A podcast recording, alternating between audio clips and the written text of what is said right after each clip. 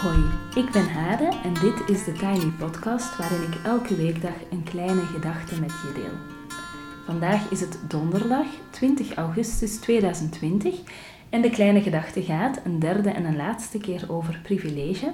Tenzij ik natuurlijk heel leuke reacties van jullie krijg en dan uh, zit er misschien ook weer stof in voor nieuwe stukjes hierover. Dus deze podcast is de derde in een reeksje van drie maanden. Uh, nee, dinsdag was de eerste, woensdag uh, de tweede. Dinsdag heb ik verteld hoe ik mijn eigen blinde vlekken uh, op het spoor ben gekomen. Um, en ik ben er absoluut zeker van dat ik nog heel veel blinde vlekken heb. En gisteren deelde ik vooral een oefening waarbij je iets van je eigen privileges op het spoor kan komen. En ook kan ervaren wat het bij jou oproept om te beseffen dat je privileges hebt. Uh, bij mij uh, ja, is mijn eerste reactie vaak schaamte, maar ik had bijvoorbeeld, heb ik gisteren verteld, een man in een team die enorme boosheid uh, en ontkenning had met betrekking tot privileges. Vandaag wil ik nog graag een paar laatste bedenkingen meegeven. Eerst en vooral, wat privilege betreft zijn er volgens mij 500 tinten grijs of nog veel meer. Natuurlijk is er white privilege en er zijn de grote categorieën, zeg maar, die privilege met zich meebrengen. En die zijn niet alleen het meest duidelijk, maar het ontbreken van die privileges heeft uiteraard ook het meeste impact op mensen. Maar zoals in de oefening van gisteren duidelijk werd, zijn er ook allerlei eigenschappen waar je zelf geen invloed op hebt of minder invloed op hebt uh, dan je zou willen of nou ja, dan je zou denken. En die wel je staat van al dan niet geprivilegeerd zijn bepalen. Bijvoorbeeld of je in een gezin opgegroeid bent waar de krant gelezen werd. Of je bijvoorbeeld opgegroeid bent met twee ouders of met één ouder. Uiteraard is er dan in elke van die situaties uh, weer een waaier aan mogelijkheden de ene persoon die opgegroeid is met maar één ouder zal daar heel anders uitkomen dan de andere. Dus ik wil niet zeggen dat deze elementen heel bepalend zijn voor je verdere leven. Um, maar als je bijvoorbeeld in een groep bent van tien mensen en je bent de enige daar die opgegroeid is in een eenoudergezin, dan zal je waarschijnlijk thuis toch met andere dingen in aanraking gekomen zijn dan de anderen. Um, en vaak zijn we in een groep zonder te beseffen dat um, wat voor onszelf vanzelfsprekend is geweest in het verleden of in het heden, of wat we verwachten naar de toekomst toe, dat dat niet per se voor anderen zo vanzelfsprekend uh, is. Een voorbeeld. Um, ik was ooit zelf in een cursus waar we deze oefening deden. En het was de tweede dag van die cursus en een van de stellingen was: uh, Ik heb kinderen of ik heb een kind. En pas op dat moment, toen iedereen zijn hand opstak, behalve één vrouw uit de groep, pas op dat moment realiseerde ik mij uh, dat ik er gewoon vanzelf was van uitgegaan dat iedereen kinderen had of kon krijgen, of wou, of had gewild. Um, en dat ik er niet bij stilgestaan had hoe het voor die vrouw misschien was, dat ik daarvan uitging en spontaan ook over mijn eigen kinderen praten. Uh, het kan zijn dat dat voor die mevrouw helemaal prima was. Uh, het kan ook zijn dat dat voor haar pijnlijk was. Maar Um, ik vond het wel heftig dat ik pas op de tweede dag van de cursus mij realiseerde dat de realiteit die ik vanzelfsprekend vond, voor haar dus niet um, specifiek was zoals ik hem verwacht had. Dan een tweede bedenking. Ik zou je heel graag willen uitnodigen om je eigen privileges, die blinde vlekken, in beeld te krijgen.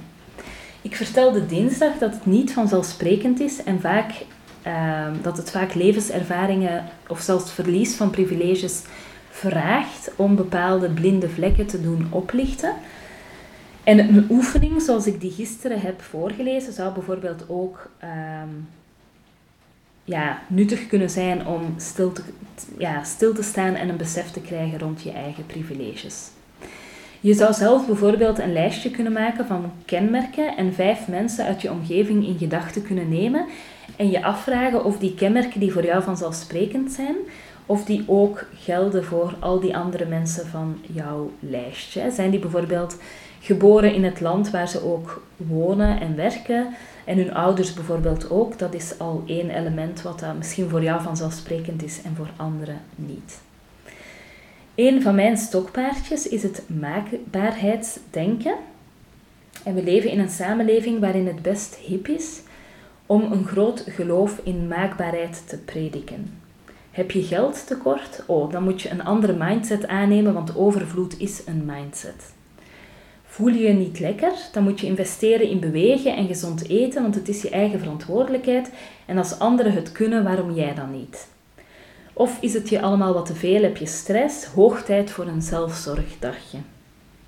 Nou, vertel dat vooral tegen iemand eh, met een vierde wereldproblematiek, dat het hoog tijd wordt voor een zelfzorgdagje. Um, iemand die niet weet hoe dat hij bijvoorbeeld uh, ja, het einde van de maand gaat halen, die heeft weinig boodschap aan uh, dat het tijd is voor een zelfzorgdagje.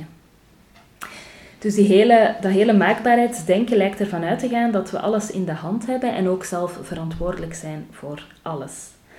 Terwijl ik zelf geloof dat je al een behoorlijke portie geluk in je leven moet gehad hebben om in dat hele maakbaarheidsdenken dat zo prominent aanwezig is in onze samenleving, om daarbinnen te kunnen functioneren. Dus vandaar dat ik uh, ervoor wil pleiten om je eigen privileges in beeld uh, te krijgen en de vanzelfsprekendheid daarvan in vraag te stellen. Um, en dat ik er dan ook voor pleit om compassievol uh, te zijn, compassie te hebben met jezelf, maar ook met anderen. Ik denk dat elk van ons zich beweegt in een complex kluwen dat bepaald wordt door wie je zelf bent, met alle privileges en gebrek aan privileges die, je, die bij jou horen, maar ook door de bagage die je hebt meegekregen in positieve en negatieve zin in het leven. Maar ook denk ik dat in dat kluwen de maatschappij en de samenleving waarin we leven uh, een grote rol spelen. Um, in welke mate dat dat bij ons um, en dat ook het geluk of de pech die we in het leven hebben gehad, dat dat allemaal enorm veel meespeelt. Ik ben er enorm voorstander van om een persoon niet te reduceren tot een eilandje, waarop die alleen verantwoordelijk is voor alles dat hij of zij is en kan en doet, maar om te kijken naar het grotere gehele waarin we functioneren en dat ook invloed heeft op ons. Ten derde zou ik je willen uitnodigen om nooit nog iets over een ander als vanzelfsprekend te beschouwen. En dat is meteen, ik besef het, een uh, ontzettend onmogelijke opdracht, omdat we eigenlijk bepaalde kaders en verwachtingen hebben waarin we denken, omdat het anders uh, het leven in onze samenleving en het samenleven met anderen zou anders veel te complex zijn. Als we niet een bepaald kader hadden van waaruit we, uh, ja, waar we vanuit kunnen gaan. En ik weet dat ik zelf ook heel vaak fouten maak tegen het hebben van veronderstellingen over anderen. Maar wat aan de hand is, denk ik, is dat we andere mensen zien en op basis van wat we zien, dat we dan meteen een bepaald verwachtingspatroon hebben. Bijvoorbeeld, die zal wel succesvol zijn, die zal wel geld genoeg hebben, die zal wel kinderen hebben, die zal wel gelukkig zijn in het ouderschap, die zal wel veel vriendinnen hebben, die zal wel een leuke relatie hebben, die zal wel weet ik veel wat allemaal. Ik heb zelf, en ik ben er vrij zeker van dat jij dat ook hebt, een aantal ervaringen waarbij ik een onbewuste overtuiging in duigen zag vallen. Momenten waarop er plots een hele wereld opengaat bij een bepaald persoon die je door een detail wat je plots opmerkt of wat plots aan bod komt, uh, beseft. Of iemand vertelt het ja. Bijvoorbeeld um, toen ik laatst iemand voor het eerst ontmoette met wie ik ging samenwerken en dat ik dan uh, in het gesprek interesse wou tonen in, het, in de leefwereld van die persoon. En dat ik aan die persoon vroeg, en wat doet jouw man als werk? En die persoon antwoordde dat haar partner een vrouw was, wat natuurlijk kan en helemaal oké is. Uh, en stomweg had ik al een soort veronderstelling gemaakt dat haar partner een man zou zijn. Terwijl ik natuurlijk geen enkele reden had om dat te denken. Ik had ook geen enkele reden om het, om het tegendeel te denken. Uh, anyway. Um, ik kan nog heel veel van die voorbeelden uh, geven. En zo ken ik bijvoorbeeld een koppel die ik heel mooi en geëngageerd vond. Heel fijne mensen die heel open in het leven stonden. En ik had altijd een ideaalbeeld van um, ja, dat die gewoon een heel mooi, harmonieus leven hadden. Tot ik ontdekte, omdat ze het mij vertelde bij een glas wijn, dat zij uh, enorm leden uh, onder de zelfgekozen dood van hun kind enkele jaren voordien. Uh, er is zoveel dat we gewoon niet weten over andere mensen totdat je het wel weet en totdat je dan beseft dat je allerlei dingen hebt verondersteld ehm, en geprojecteerd misschien op andere mensen. Om nog verder voorbeeldjes te geven, ik ken ogenschijnlijk uh, succesvolle ondernemers, ondernemers die de rekeningen, rekeningen niet kunnen betalen. Ik ken ook moeders met heel schattige kinderen die zich eenzaam voelen. Ik ken vrouwen die ogenschijnlijk alles hebben: een leuke man, leuke kinderen, leuke parttime job, tijd om te sporten en die de muren oplopen thuis. Het is bijna onmogelijk geen verwachtingen te hebben en geen dingen te projecteren, maar het is wel mogelijk om te beseffen dat we altijd verwachtingen hebben en dingen projecteren. En ook daar, als we dat beseffen, komt er ook ruimte voor compassie. Compassie voor onszelf, compassie voor anderen. En om gewoon te kunnen zijn bij wat er is en niet bij wat we veronderstellen dat er is of bij wat er zou moeten uh, zijn. En dat was eigenlijk het laatste wat ik heel graag over die privileges uh, wou zeggen. Het is uh, donderdag, dus ik wil ook nog even vertellen dat je nog tot en met vandaag tijd hebt om je aan te melden voor de cursus Stoppen met Pleasen. En die gaat over het onderscheid tussen goed zijn en authentiek zijn. We hebben allemaal geleerd, jammer genoeg, ehm, denk ik soms, dat we ehm, goed moeten zijn, dat we anderen moeten helpen, dat we tijd moeten maken voor anderen, dat we sociaal moeten zijn, dat we ons moeten aanpassen. Ehm, en ik vrees soms uh, dat die enorme nadruk op goed zijn, dat die gemaakt heeft dat heel veel mensen onder ons niet makkelijk meer authentiek kunnen zijn. En dus heel erg verstrikt geraken in uh, een mechanisme dat pleasen heette. Dus dat je eigenlijk uh, gaat afstemmen op de verwachtingen van andere mensen. En daaraan wilt voldoen.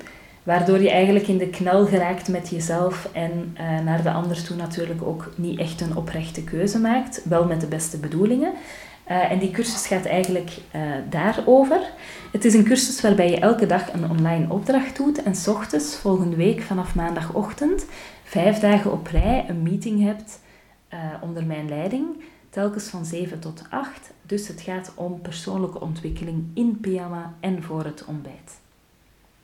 En het mooie aan die meetings is dat door met anderen daarover te praten, dat je compassie vergroot, je begrip voor jezelf en voor anderen vergroot. En je kan je heel erg gesteund voelen en ehm, ja, die herkenning die je hebt, maar ook het echt ja, iets kunnen vertellen en voelen dat er echte aandacht is ook voor wat jij wil delen, dat zijn allemaal elementen die heel veel kunnen betekenen. Heb ik gemerkt met de clubjes die ik tot nu toe heb uh, begeleid. Tot zover voor vandaag. Je kan me volgen op Instagram, TheTinyPodcast. En je helpt me door deze podcast wat sterretjes te geven op iTunes, een review achter te laten en of hem door te sturen aan iemand anders die er misschien graag naar luistert. En als je interesse hebt om een cursus mee te doen of je wil iets meer weten, dan kan je uh, via de show notes doorklikken naar mijn aanbod. Tot morgen!